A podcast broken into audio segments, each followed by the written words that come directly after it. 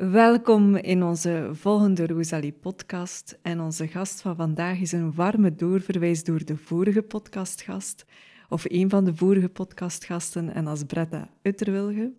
En we hebben vandaag Veerle Polvliet. En Veerle is ook iets heel speciaal, komt uh, vroeger uit de evenementensector. En op deze moment is Veerle opruimcoach, mindcoach. Dus een hele beweging. Hè? En ik ben eigenlijk wel uh, nieuwsgierig, en waarschijnlijk het Rosalie-publiek ook. Wat beweegt iemand van de evenementensector naar opruim mindcoach? Wat is het verhaal Hmm. achter, uh, achter Veerle? Wel, ik kom dus inderdaad uit de evenementensector. Ik was de eerste weddingplanner van België. Ik ben toen de tijd gestart op 1 januari 2000. Nieuwe millennium komt eraan, een nieuw bedrijf gaat de uitdaging aan. En dat was, uh, ja, dat was mijn wereld. Dus uh, feesten organiseren, trouwfeesten, uh, communiefeesten, zoveel jaar getrouwd, verjaardagsfeesten, maar ook bedrijfsfeesten. Want uiteindelijk kwam ik uit een stukje de bedrijfsfeestenorganisatie, een evenementenkantoor. En um, ervoor kwam ik uit de hotelwereld, ook weer al een servicewereld. Dus um, in 2000 ben ik daar uh, zo, eigenlijk of dat ik jou vertelde in de vooraf, daar zo echt in gesprongen van, ah, oh, dat is mijn ding. Trouwfeesten organiseren, weddingplanner. Ik vond dat fantastisch. Heel veel met vreugde, ja. feesten is vreugde, ja. Ja, liefde, hè, trouwen. Ja, ja, En dat koppelen dus aan mijn talent, organiseren. Want ik was er echt wel goed in, ik durf dat wel te zeggen. En ja, dat gaf mij inderdaad vreugde. Uh, ik heb dat tot bijna 15 jaar uh, zelfstandig gedaan. Uh, maar ik voelde wel zo, hoe moet ik dat zeggen? Die, die, dat is een heel jonge mannelijke wereld. Hè? En ik voelde wel die druk telkens weer. Want uiteindelijk, ik deed super graag wat ik deed, maar ik kon daar niet meer van genieten. Ik kon daar niet van genieten. Ik had zo'n schoon feest gezet, klanten super content en dankbaar. En nee, ik voelde het niet meer. Ik was leeg, want ja, ik had zelfs geen tijd. Hè? Ik had geen tijd om ervan te genieten. Ik had geen tijd, waarom? De anderen stond al op, op de planning. Ik moest alweer beginnen opbouwen voor de volgende. Of voorbereiden voor de volgende. Dus ik had zo het gevoel van, ja, ik zit hier echt, ik altijd tijd tekort. Altijd gejaagd, altijd gehaast. En onbewust, hè, niet door, maar op het einde voelde ik wel zo van, oh, wil ik dat hier nog wel doen? En zo ook die vanzelfsprekendheid. Mensen vonden dat gewoon maar zomaar vanzelfsprekend dat je dat allemaal zo... En mensen veranderden. Als je nu kijkt, 2000 en dan 15 jaar later, wat er gewijzigd is in hun... um, ja, niet bij alle mensen, nee, je mocht niet allemaal op, over één kam scheren, maar zo het gevoel van, ze vinden allemaal zo vanzelfsprekend die speciale dingen organiseren. En ja, ja, ik had zo het gevoel van um, ja, moeheid, um, opgejaagdheid. Ik had dan ook mensen in dienst en dat is ook weer van oké, nu moet ik binnenhalen om die mensen te kunnen betalen. En uh, ja, dat moest allemaal zo goed gepland en gedaan zijn. Ja, en wat is er eigenlijk gebeurd? Eind 2013, ik weet het nog heel goed. Mijn man kwam binnen op kantoor, echt leekbleek. En hij zegt, ja, ik kom van uh, de specialist. Want ik wist, hij had een beetje pijn in zijn, in zijn en zo. En uh, ja, onderzoeken, nee, natuurlijk. Ja, logisch dat je dat uh, laat onderzoeken. En hij kwam binnen en hij zei, ja, het is niet goed. Twee tumoren in mijn darmen. Het is kwaadaardig. En ik weet nog dat ik, ik zat, ik zie het beeld nog zo voor mij, hè hoe dat ik ook mij voelde, zo van, bam, dat was precies een flits door heel mijn lijf van, ah, dat is een bom die binnenvalt, binnen jouw gezin, hè, binnen jouw familie, binnen mijn leefwereld. En dat heeft voor mij een hele grote change teweeggebracht. In die zin van, oké, maar wat ben ik hier nog bezig? Ja, want mijn werk, dat was ja, workaholic. Ik was echt workaholic. Alle weekends, bijna alle weekends eh, aan het werk, terwijl dat mijn man dan eigenlijk thuis was. Ehm, dus ja, met wat was ik bezig? Ik had zo het gevoel van, oh nee, dat wil ik niet meer. Ik had ook geen directe opvolging, bijvoorbeeld kinderen, uh, mijn pluskinderen eigenlijk. Ehm, dat is een oude gedachtewijze die nog een beetje door mij ging van, ja, maar toch, kijk. Dat heeft de, de omschakeling gebracht en eigenlijk het jaar daarop had ik mijn zaak al overgelaten. En ja, dat is zo gebeurd. Ik was er wel nog altijd bij betrokken, tot een aantal jaar geleden, zo freelance nog altijd betrokken in die evenementenwereld. Want dat is ook weer een proces geweest van loslaten. En ook, ja, ik kon het ook goed. Ik deed het eigenlijk ook graag. Maar ik ben het dan op een andere manier nog gaan doen. Maar bon, dat was eigenlijk wel die, die, ja, die, die change of die druppel die het water deed overlopen. En daarbij, in 2007, dus echt wel een aantal jaar ervoor, kreeg ik plots de diagnose, ja, um, u doet een auto-immuunziekte, mevrouw, en dat is voor de rest van uw leven. Dus ook te maken met mijn darmen, een um, chronische auto-immuunziekte. Ik dacht van, oké, ja, maar ja, snijd dat eruit. We gaan uh, toen der tijd met, met die gedachtenhang van, hey, dat is hier niet zo erg. Uh, maar nee, dat was niet mogelijk om dat operatief te verwijderen. Dus ik ging aan de baksters en ik heb dat eigenlijk ja, zonder daar veel bij stil te staan, allemaal aanvaard, allemaal meegenomen en ik heb gefunctioneerd. Hè? Ingeborg, ik heb gefunctioneerd, maar ik voelde, als ik te veel over mijn grenzen ging, dan kreeg ik opstoot, hè? dan kwam dat naar boven. Ja, ik heb ermee geleefd, ik heb het vaak ook genegeerd. Niet willen aanvaarden dat je een ziekte doet, niet willen ja, daar heel veel moeite mee hebben. Denken van, oké, die bakster, geen probleem, we pakken dat wel, dat gaat weer beter zijn. En toch nog nu en dan. Um, ja, maar dat is eigenlijk allemaal pas later ben ik begin beseffen van, ja, maar ja, wat steekt hij uit met uw lichaam? Je zit heel de dagen over uw schreef aan het gaan. Je zit veel te hard aan het werken. Je hebt geen tijd voor jezelf. Je voelt je al schuldig als je een keer een namiddag vrij bent. Zot, hè? Ja. Zot, hè? Echt mijn lichaam verwaarloosd en zo onbewust dat ik denk van, oh my god, hoe heb ik zo dom kunnen zijn? Hè? Ja, en effectief, ja, 2013, ik deed die auto-immuunziekte nog altijd, met een man, darmkanker bij God, met wat zijn we bezig? En toen snakte ik ook achter rust. Ik snakte echt achter rust. Ik wilde niks meer. En ik heb dan eigenlijk wel heel decisief, echt snel beslist, fantastisch de zaak kunnen overlaten aan iemand die ook al freelance bij mij werkte. Dus uh, dat ging verder. Ik kon daar nu en dan nog als freelance in terecht. Maar ik kreeg mijn rust. Maar dat was ook wel best wel confronterend. Want ja, ik had niets nieuws gepland. Ik had niks anders gepland. Het enige dat ik wilde, rust. Sabbatical. Niks doen. Ik ga nu een keer doen wat ik wil doen.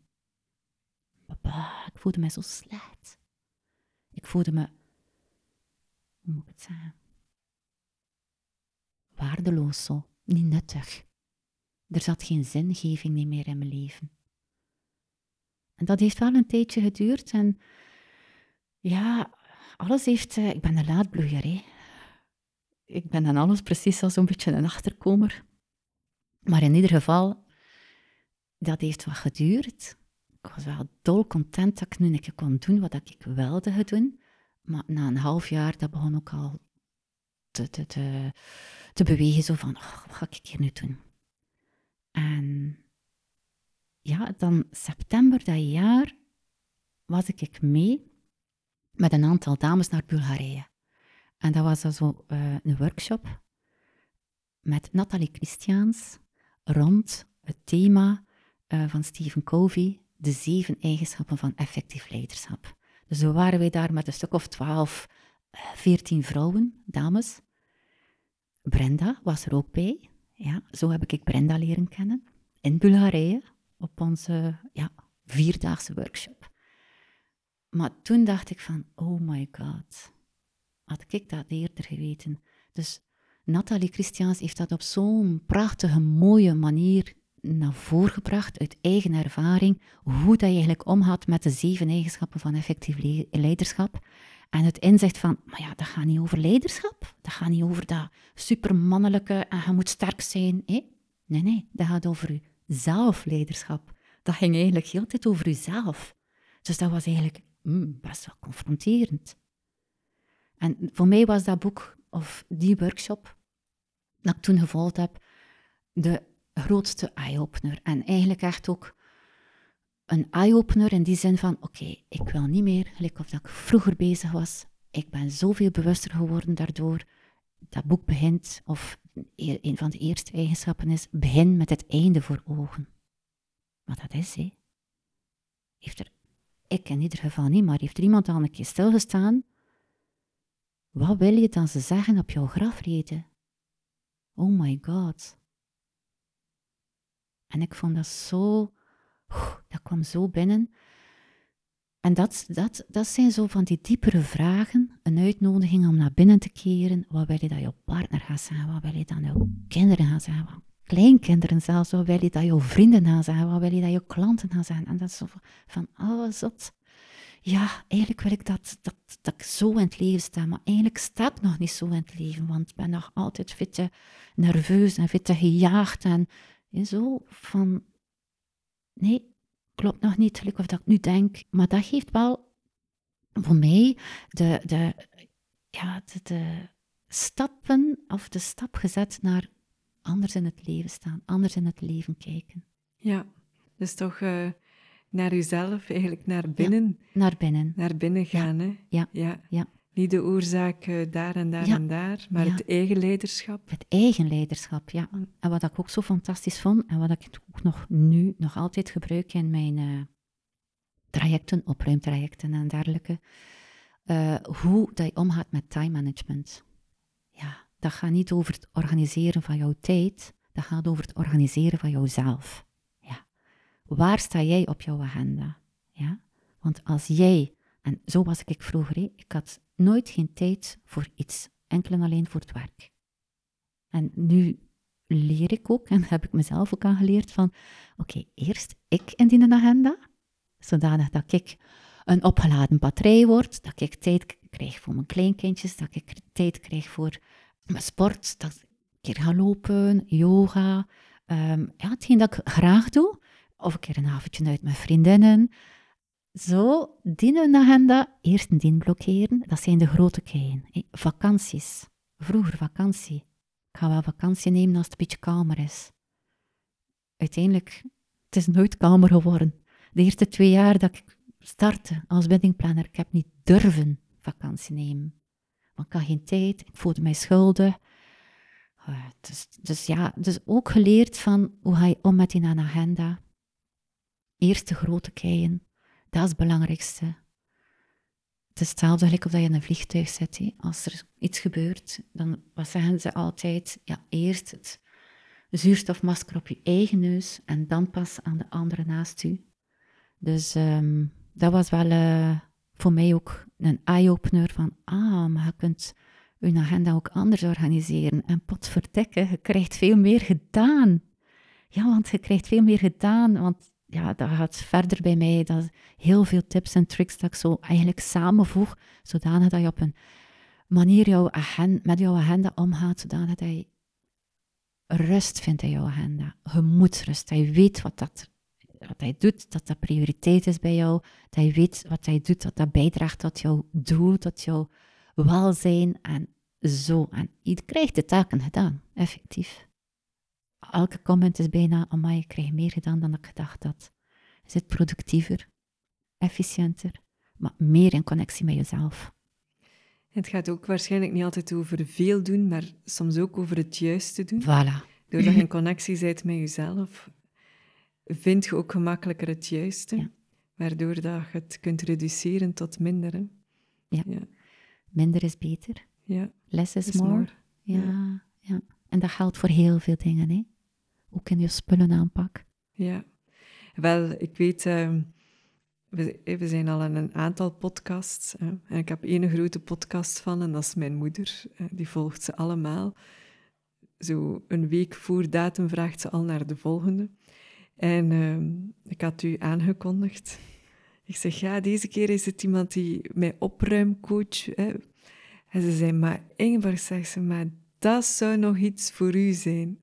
Natuurlijk, zij refereert naar mijn keukenkasten dat ik opkuis en mijn kleerkasten die altijd uh, systematisch worden opgekuist. Maar ik dacht bij mezelf, mama, je zou het eens moeten weten wat dat er nog allemaal opgekuist is. Ja, ja.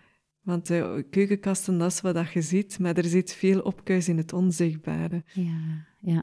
ja, want ik ging ook net vragen, Ingeborg, wat is voor jou opruimcoach? Hey? Jouw mama associeert dat meteen met spulletjes. Ja, heel, ja, dat is het meest voorkomende. Iedereen associeert opruim, opruimcoaching meteen van, oké, dat is ontspullen, dat is ontrommelen. En inderdaad, dat is een klein deeltje. En voor mij is dat het makkelijkste deeltje om binnen te komen ook bij jezelf. Want mensen staan er niet bij stil welke impact dat ontspullen met jou kan hebben. Ga straks mijn verhaaltje een beetje meer toelichten daar rond.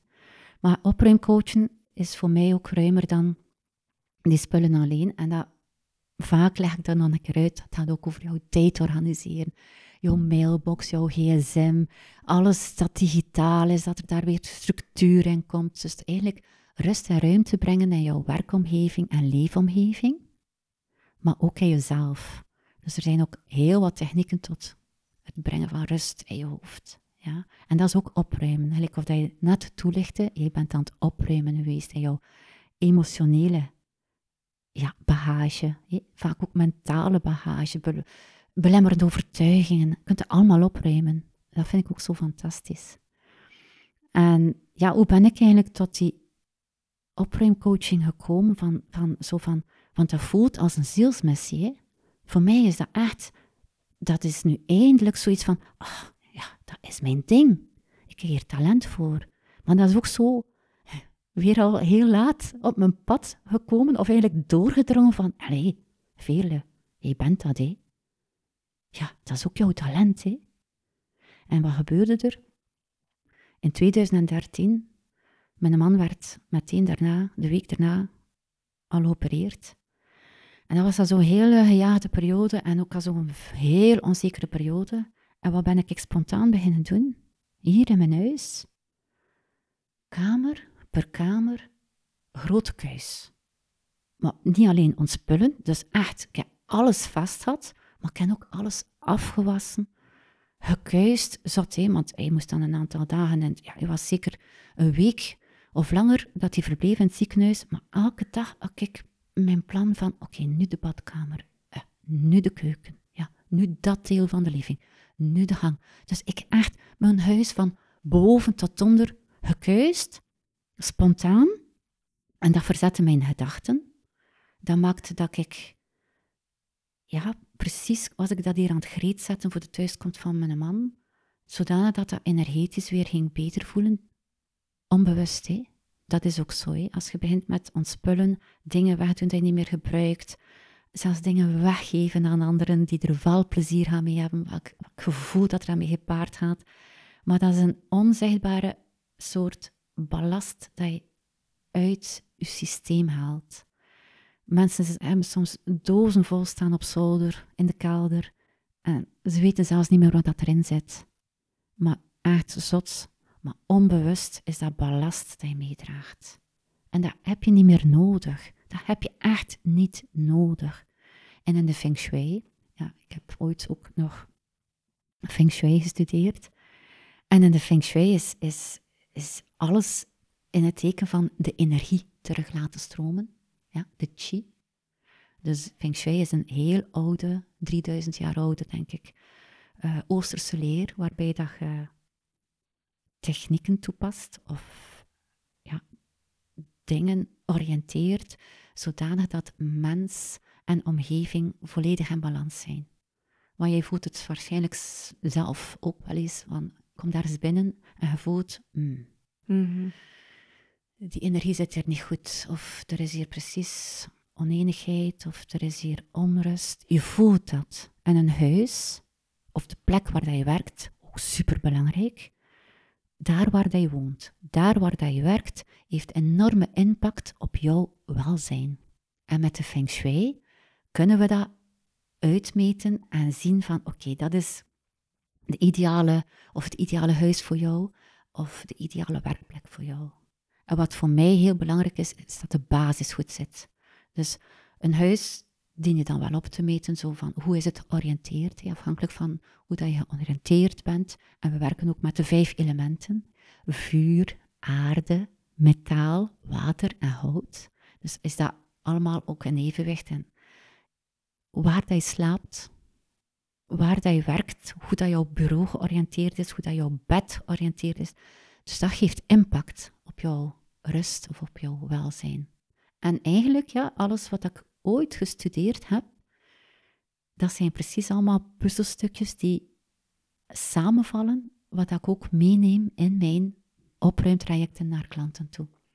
Het is eigenlijk uh, heel mooi, Veerle, omdat dat ook iets is dat altijd terugkomt. Hè. Mm. we, spreken altijd met vrouwen in ondernemerschap die toch met elementen werken waar dat je doorsnee hè, in je evenementen nooit mee gewerkt hebt. Hè. En met Feng Shui hoor ik u er een hele mooie aankaarten. Alles is energie. Hmm. Je meet het uit, hè, maar alles is energie en alles beïnvloedt u. Hè. En dat is er een die bij iedereen ook altijd terugkomt, op een andere manier. Uh, maar dat is wel een hele mooie. Uh, dus hoe dat je spullen staan, waar dat er staan, hoeveel dat er staan, welke dat er staan de omgeving, ja, het is zo impacterend. Uh, dat is eigenlijk wel een hele, hele mooie. Mensen staan daar niet bij stil. En heel vaak kom ik soms een huis binnen, want feng shui, allee, de eerste regel is ontrommelen. Alle stof weg en alle spullen die je nodig hebt, weg. Maar je komt soms binnen in een huis, ik ga dat niet veroordelen, nee, want mensen zien het zelf niet, maar je doet de deur open en je valt al over de dozen of de schoenen die er staan. De jassen hebben geen plek. Uh, de sleutels uh, vinden ze niet. Dus dat is al een eerste zo van, oké, hoe kom je jouw huis binnen? Want jouw huis, de voordeur, is de mond van jouw lichaam. Alles kun je weer eigenlijk reflecteren naar lichaamsdelen. En toen dat ik al mijn kasten aan het uitkuisen was, dat representeert eigenlijk de darmen van je lichaam. Onbewust wist ik dat nog niet toen. Maar nu dacht ik, ja, ik was er wel mee bezig. Hè? En daarom nodig ik misschien de mensen een keer uit van, oké, als je binnenkomt in je huis, hoe is die een gang of hoe is die een inkom? Pak een keer je gsm, want iedereen heeft dat nu de dag van vandaag. Film dat een keer. Doe een keer alsof je een buitenstaander bent. Zie een keer. Kom een keer binnen in je eigen huis. Voel het een keer dan voor jezelf. En zie een keer wat dat er weg mag. Laat die een chi stromen. Laat die energie binnenstromen. Want via de mond, via die voordeur van jouw huis, komt ook die energie binnen. Hè? Laat het dus positieve energie zijn. En als er daar heel veel rommel staat en als het niet klopt, en, ja, dan is het echt nodig opruimen. En zo simpel trucsken eigenlijk, zo simpel iets kan al zoveel ja, welzijn terug bijbrengen. Maar bijvoorbeeld uw vensters zijn de ogen van jou. Dus wat staat er voor uw vensters? Als er daar een hele grote boom voor staat, ja, kan je niet goed kijken, nee. En het is ook heel belangrijk, oké, hoe zijn die vensters georiënteerd op je huis? Linkerkant, rechterkant, dat heeft allemaal weer betekenis. Hé? Weer het mannelijke, het vrouwelijke, het ene, het jange. En dat vind ik zo mooi in de feng shui, dat je die balans probeert te brengen in jouw huis, in jouw werkomgeving. En dat heeft ook te maken met jouw geboortedatum. Dus dan kan dat heel accuraat uitrekenen van oké, dat is jouw succesrichting. Of dat is jouw richting, richting gezondheid. Of dat is jouw relatierichting. Dus dat doe ik wel voor klanten die ervoor openstaan. Van oké, we gaan nu een bureau een keer anders oriënteren. Hè. Waar zou de beste plek zijn? Oké, en dan meet ik dat een keer op. En in functie van hun geboortedatum, geboorteuur, kun je zeer accuraat zien, oké, welk soort mens is dat? Is dat een Oostmens of een Westmens? En Ja, bijvoorbeeld, ik leef hier samen als Oostmens met een Westmens. Hola. Hola. Hij ligt Ja. in hetzelfde bed dan, Ja, hè? Want... Voilà. Dus welke richting kies je? Hè? ja.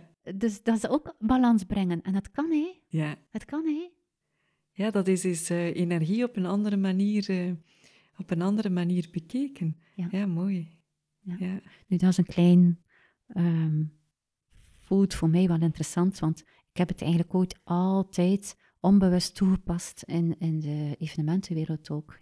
Ik werkte heel veel met, tenten. Dus eh, je integreert ergens ja, een tent. Oké, maar waar moet die staan?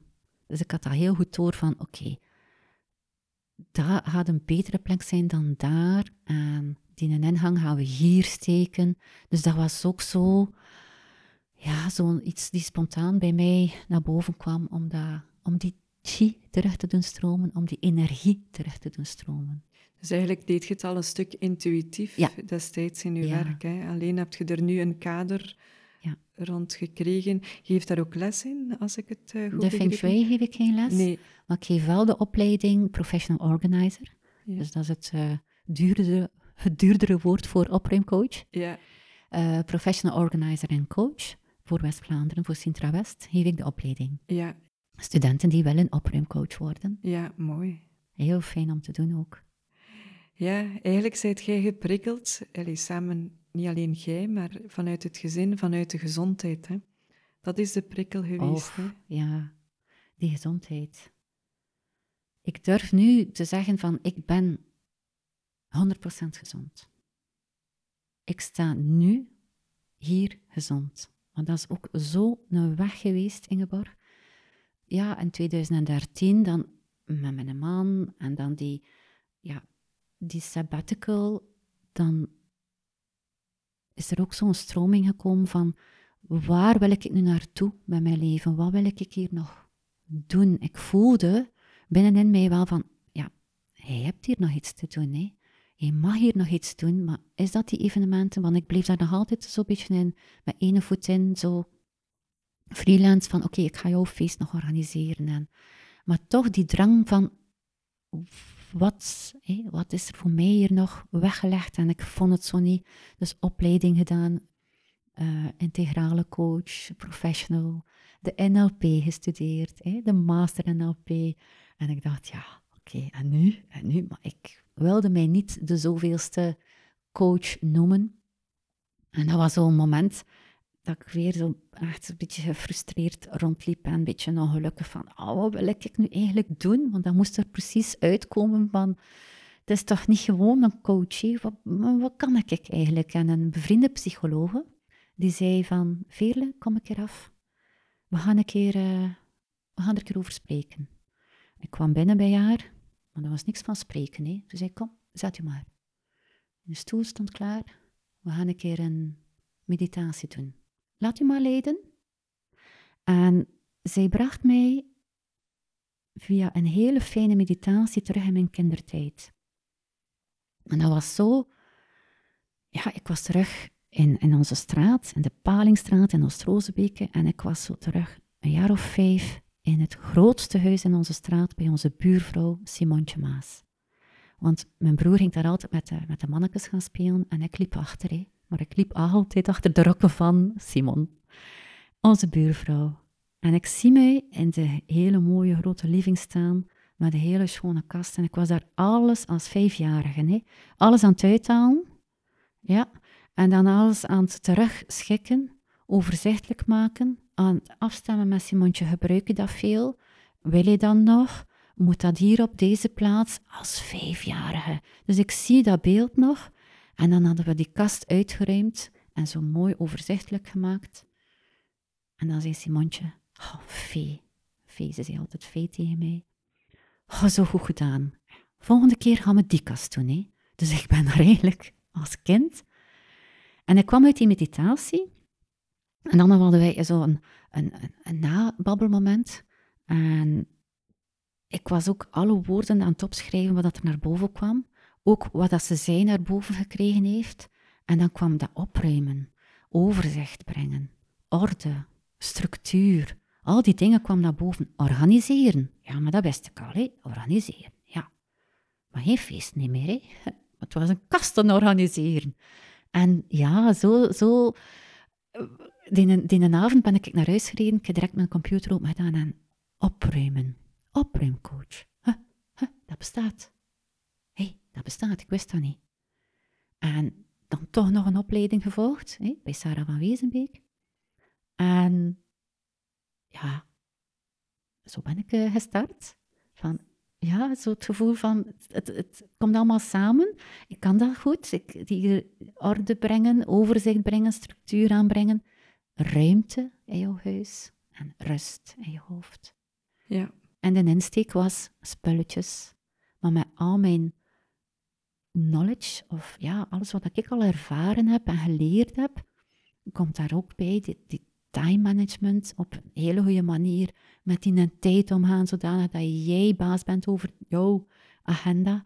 Um, kwam ook die, dat digitale overzicht, dus allemaal dat praktische er ook bij, dat kunt je ook uitruimen, zodanig dat het jou meer dient. Ja. Dus eigenlijk het praktische combineren met ook ja, jouw mindset. Want door mijn interesse, ik ben echt geïntrigeerd eigenlijk van, van hoe dat, dat kopje hier werkt. Omdat ik het zelf ondervonden heb. Begrijp ik het goed, Veerle? De prikkel is ooit geweest gezondheid. Ik hoor je ook zeggen, ik ben nu gezond. Ja. En ik hoor u zeggen, de beweging die je gemaakt hebt, is vooral vanuit opruimen als insteek, het fysieke. Heeft dat u ook genezen?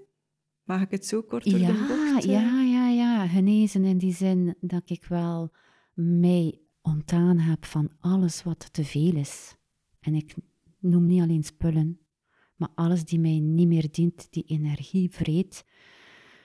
Alles dat, ja, zelfs nieuwsfeeds dat ik als te prikkelend alles waar ik te gevoelig voor ben en die mij onrust veroorzaakt, heb ik uit mijn, ja, uit mijn leven gebannen. gebannen. En heb ik het er op een andere manier leren mee omgaan. Ja.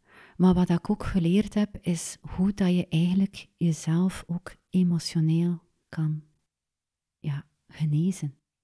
Dus um, mijn zoektocht was dan nog altijd, oké, medische, die baksters, na elf jaar, die beginnen toch wel ook hun nevenwerkingen te tonen. Hè?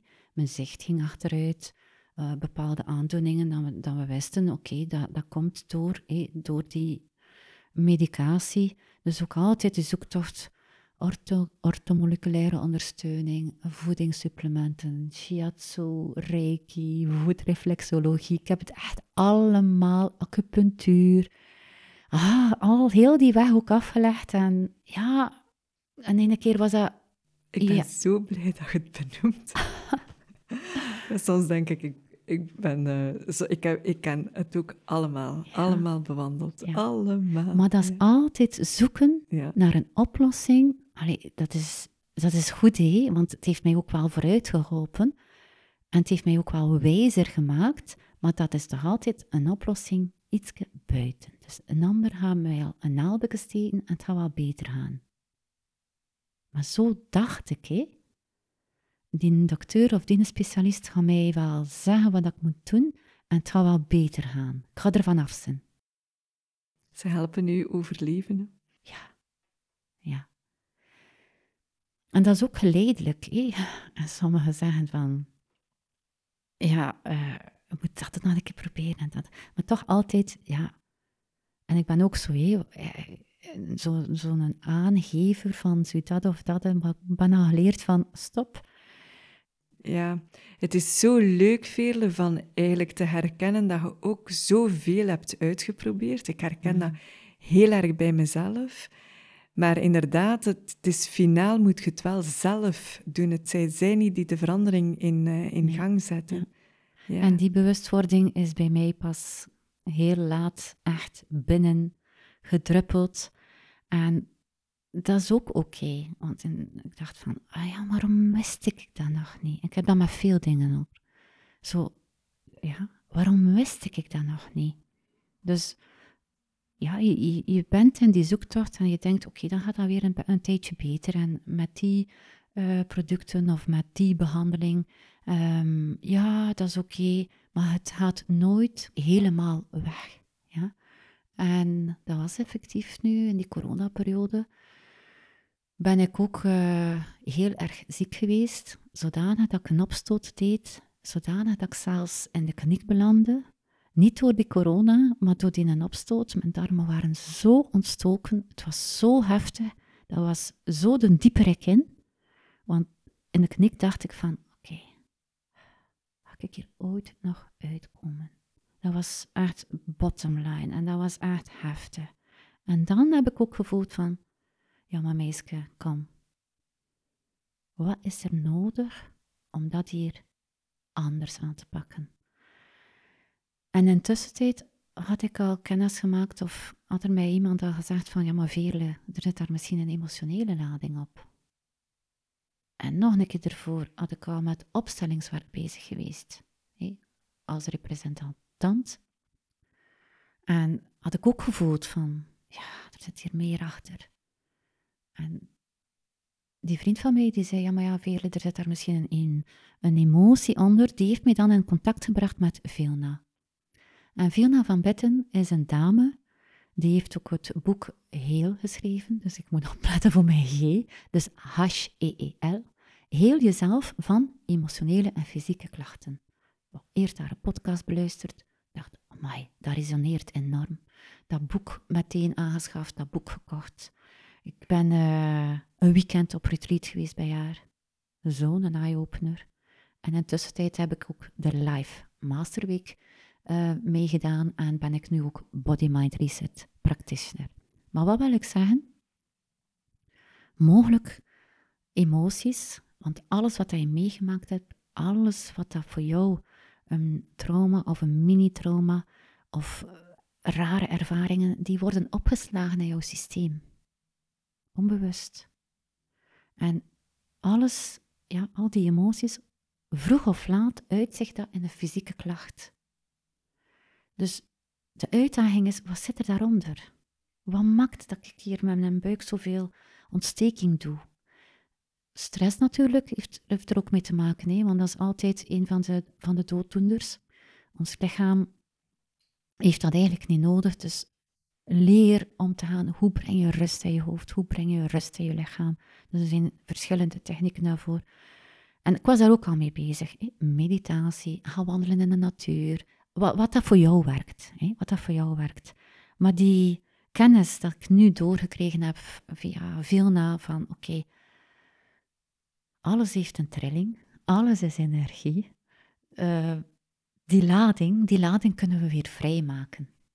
En dat is wat ik ondergaan heb en gevoeld heb. En ik voelde zo die shift. Nu laat ik, laat ik zeggen, dat is een soort dat is geen alternatieve uh, geneeswijze, want er zit daar zo een lading op. Dat wil ik absoluut niet.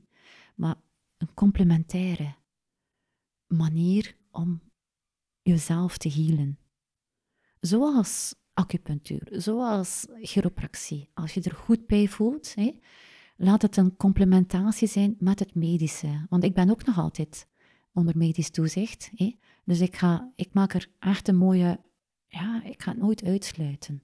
Maar laat het toe dat het complementair kan zijn. En nu voel ik me echt stukken beter. Het is precies of dat er een hele, ja, zo, ja, belemmerende overtuigingen opruimen. Hè? Dat is echt zoiets van onbewust, wat blokkeert er mij? Wat is er voor nodig? En dat is een, een manier, wat ik geleerd heb bij Vilna, niet alleen toe te passen op mezelf, maar dat ik ook kan delen met anderen. Um, die emotionele ladingen terug vrijmaken. Ja. En dat is ook opruimen. Ja. Opruimen in jezelf. Ja. Het is eigenlijk heel mooi. Hè? Dus je hebt enerzijds het fysieke opruimen in het huis, waarbij dat je via Feng Shui heel mooi de, de link legt met wat betekent dat energetisch. Ja. Een keer dat je dat had gedaan, ja, heb je zeer veel geleerd, kom je toch nog wel eens tegen van een terugval. Tuurlijk. Ik weet zoveel, ja. terugval. En een trigger. En triggers. Ja. Je gaat dan uh, naar het vervolg. Ah, maar nu ga ik emotioneel opruimen. Hè? Dus je zit al bij een ander een ander... Uh, dat blijft opruimen. Hè? Mm. Dus er is een trigger. Ja, ja, ja, ja. Ja, een trigger die je jaren ook genegeerd had. Hè? Ja, want het is best wel confronterend. En ja, genegeerd, heel simpelweg, uit onwetendheid, angst. Want wat zit er daaronder? Hè? Angst voor, voor de confrontatie, angst wat daaronder zit. En ja, vooral niet durven, hè. Want dat is allemaal zo, hoe, hoe, hè. Wat is dat? Wel, dat we ook aanvullen, is het ook niet een stukje negeren, omdat het toch maatschappelijk niet zo aanvaard... Een dokter is maatschappelijk aanvaard, daar gaat iedereen naartoe. Maar het andere stuk, ja. Het niks is toeval, alles is energie, het intuïtieve, Hmm. dat zijn toch stukken ja, waar dat je met een zekere angst in het begin naartoe gaat. Absoluut. En voor mij, zo, die specialist heeft ooit gezegd van, Veerle, dat is voor de rest van jouw leven. En ik geloof dat niet. Ik heb dat nooit geloofd. Ik aanvaard het dat hij dat zegt. Wie heeft er invloed op de prognose? Hij of ikzelf? En dat was ook zo van, ja, maar ja, ik ga hier verder aan werken. Ja? En we zien wel wat dat er op mijn pad komt. Dus echt ook effectief van alles geprobeerd, ervaren. Maar ik durf wel stellen dat het opruimen in jouw mentale en emotionele shit, als ik het zo mag noemen, dat het enorm bevrijdend werkt. En ja, het heft blokkades op. Je laat de energie terugstromen. Je krijgt weer rust in je hoofd. Dus dat vind ik fantastisch. Ja.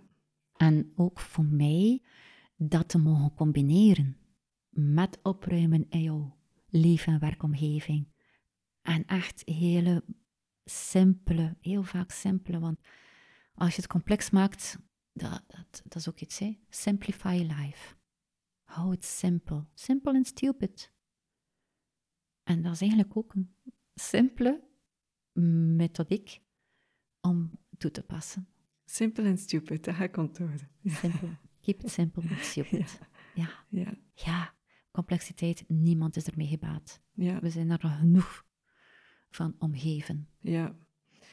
Is er zo nog een secret? Ik vind die simple and stupid eigenlijk al een mooie. Zo nog Ja. een secret dat je zegt van Veerle, van, ah ja, dat wil ik echt wel nog meegeven aan het Rosalie-publiek. De titel van de podcast is The Secrets. En wat zijn de secrets? Ja. Hè? Dat zijn eigenlijk, je hebt er al heel veel genoemd, hè? al de onbesproken zaken in de maatschappij, de minder aanvaarde zaken. Het intuïtieve, het energetische. Eh, gaan kijken naar lagen ja, dat onder de oppervlakte zit, het onzichtbare. Hè, Feng Shui-energie is, is een stuk het onzichtbare, Mm. maar dat wel werkt. En er is meer dan dat we weten. Is er zo nog iets dat je zegt, ah, dat wil ik nog heel graag meegeven? Ehm, ja, mijn slogan is: Life is simple when organized. Ja? Dus ruim de keer op in al die gebieden in jouw leven. Organiseer dat een beetje zodanig dat dat voor jou werkt. En er is geen one size fits all. En dat vind ik ook zo geestig als ik bezig ben met klanten of met, met mensen. Zo van, ja maar ja, wat is nu belangrijk in haar leven? Ja, dus dat je eigenlijk altijd de beste versie van die persoon naar boven haalt. En bijbrengt wat dat die de hoogste nood aan heeft. Ehm, ja, dat is eentje van, oké, dat ik wil meegeven. Het hoeft niet perfect. Goed is goed genoeg. Perfectly imperfect. Dan dat had ik vroeger ook heel veel mee te doen van dat perfectioniste, eh, dat perfectionist in mij. Dus, eh, en ik voel dat ook, hè, die klanten die hebben zo ja, dat uitstelgedrag, faalangst, perfectionisme. Maar ja, we hebben allemaal zoveel ballen in de lucht te houden. Hè. En ja, wat wil ik meegeven van, wees jou daarvan bewust. En begin met één iets uit te ruimen. Begin een keer gewoon met de kast uit te ruimen. En voel de keer wat dat met u doet. Voel. Echt voelen. Dat, dat merk ik ook. Mensen zijn veel te veel in hun hoofd bezig. Precies iedereen is een wandelend hoofd.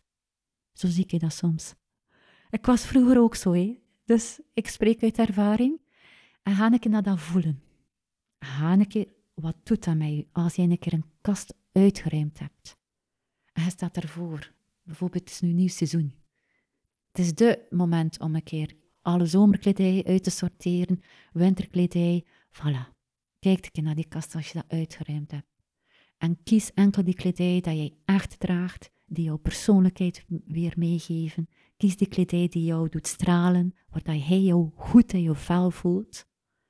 En heb je tien jeansbroeken, houd alsjeblieft bij twee of maximum drie, want het zijn toch allemaal, hè? Nou, dat, zie je ook vaak. Ja, wat wil ik nog meegeven? Doe een keer zo'n uitruimactie, een doe-actie en laat het een keer voelen wat het met je doet. En bekijk ook een keer jouw tijd. Hoe ga je om met tijd?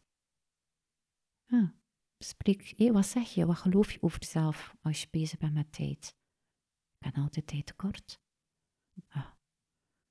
Er zouden meer uren in een dag moeten zijn. Of, ja, ik heb tijd zat. Allee, dat is ook iets van, word jou een keer bewust hoe dat je omgaat met alles in jouw leven.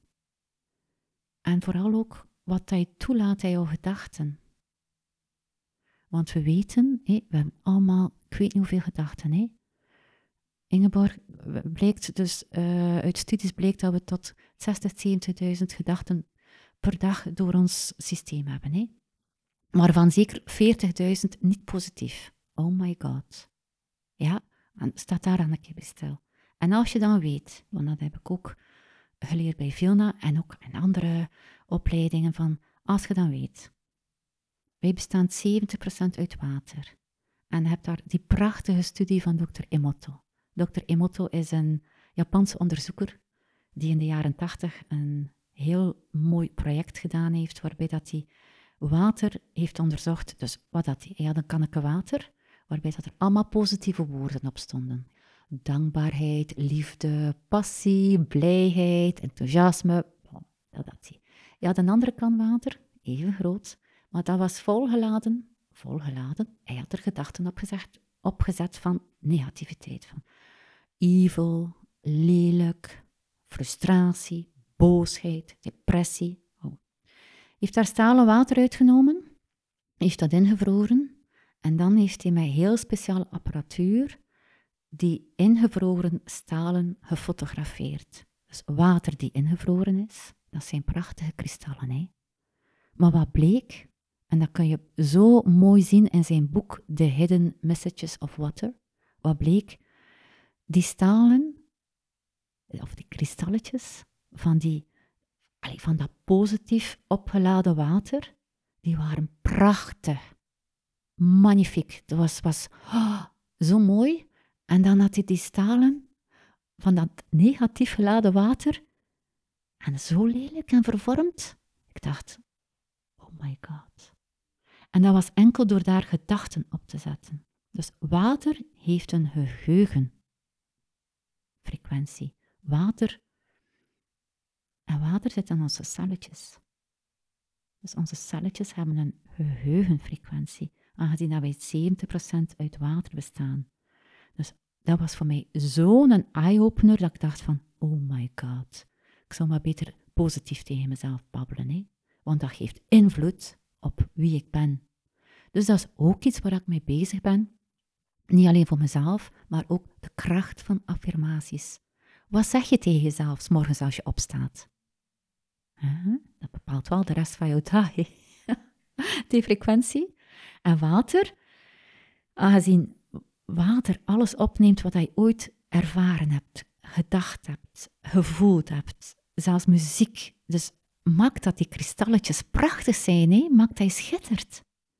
En als je dan nog een die studie erbij neemt van, oh, wie was dat?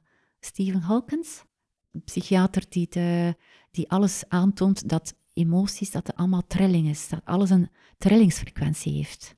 Ja, een, een resonantie. Dus als jij, en je voelt dat zelf, hè, want vroeger had ik heel veel depressieve dagen of periodes. Ik kon echt diep zakken. En dat voel je ook. Dus alles heeft een, een, een, een, frequentie. Dus ook die emotie van je niet goed in je vel voelen. Als op een zekere boosheid in mij voelen. Echt depressief. Ook weer angstig. En ik zat zo vast. Ja, ik voelde me echt niet goed. En als je dan tegenoverstelt van, ga ik er in, die, in dat gevoel van dankbaarheid. Dat is de eerste dat ik heel veel liefde wil meegeven aan iedereen. Ga ik er in een gevoel van dankbaarheid. S'morgens, als je opstaat, waarvoor ben je dankbaar? Verhoog die trilling. Dan voel je dat dat een hele andere energie is. Die is luchtiger, die heeft meer vrijheid, die stroomt meer. Terwijl dat als jij in angst of in boosheid of in frustratie en eh, die lager energietrilling zit, dan blijf je daar ook in. En jouw lichaam pakt dat ook zo. Onbewust allemaal, hè? maar mooie studies die het wel bewijzen. Dus de emotieladder, Abraham Hicks heeft het er ook over. Prachtig. Word je daar een keer bewust van en kies ervoor, want ja, opruimen is ook altijd kiezen. En kies ervoor om, om in een hogere trilling te zijn, elke dag opnieuw. Bijvoorbeeld, morgen sta ik op. Het eerste die door mijn hoofd gaat, van, dat is zoiets van, vandaag is mijn lievelingsdag. en mijn man, wat zei je nu? Oh, ik zei, ja, ja, uh, Ranneke, vandaag is mijn lievelingsdag.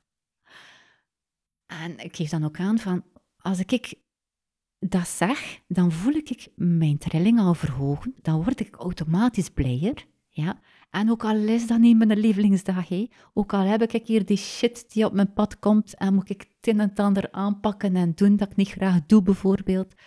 Of er gebeurt iets, ik ga daar op een andere manier mee omgaan omdat mijn trilling hoger staat. Dus uit ervaring weet ik welke impact dat, dat heeft. Dus ga ik je opruimen in jouw gedachten, lieve mensen. Wees jou bewust wat je zegt tegen jezelf. Als jij zegt tegen iets van, oh nee, ik kan dat niet, dan is dat jouw waarheid.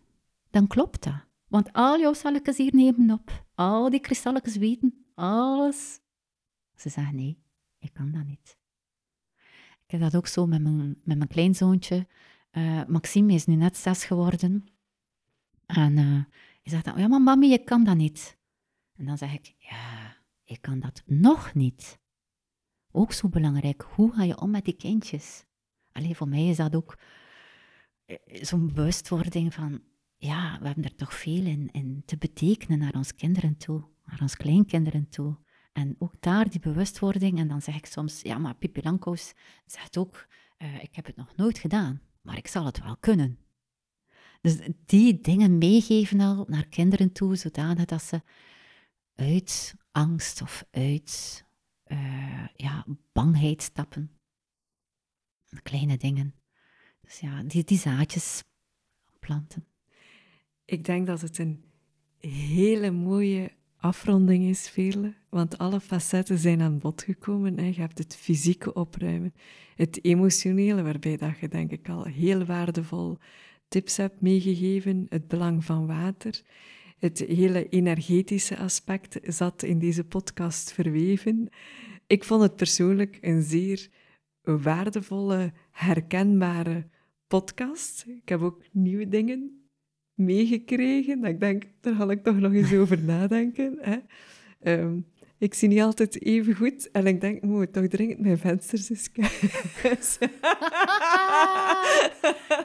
dat doe ik misschien wel iets te weinig. Hè? Ja.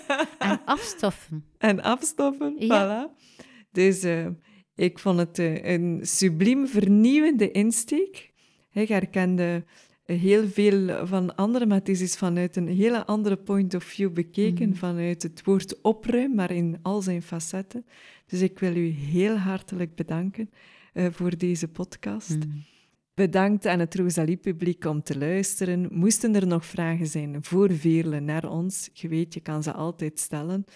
Meestal gebeurt dat achter de schermen dat de vragen gesteld worden. Wij komen er misschien op een bepaalde manier nog wel eens op, uh, op terug. We zijn ze in ieder geval aan het verzamelen. En je kan ons ook altijd steunen door te gaan naar www.rosalie.be.